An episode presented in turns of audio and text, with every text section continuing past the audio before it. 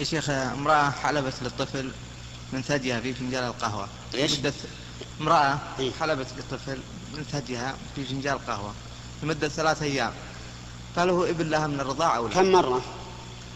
يقال أنه مرتين في اليوم واحد زي الصباح والمساء أي إيه، يكون ولدا لها يكون ولد لها نعم. جزاك الله خير لأنه يعني إذا أرضعت المرأة الطفل سواء من ثديها أو من فنجال حلبته من ثديها خمس مرات فأكثر فهو ولد لها جزاك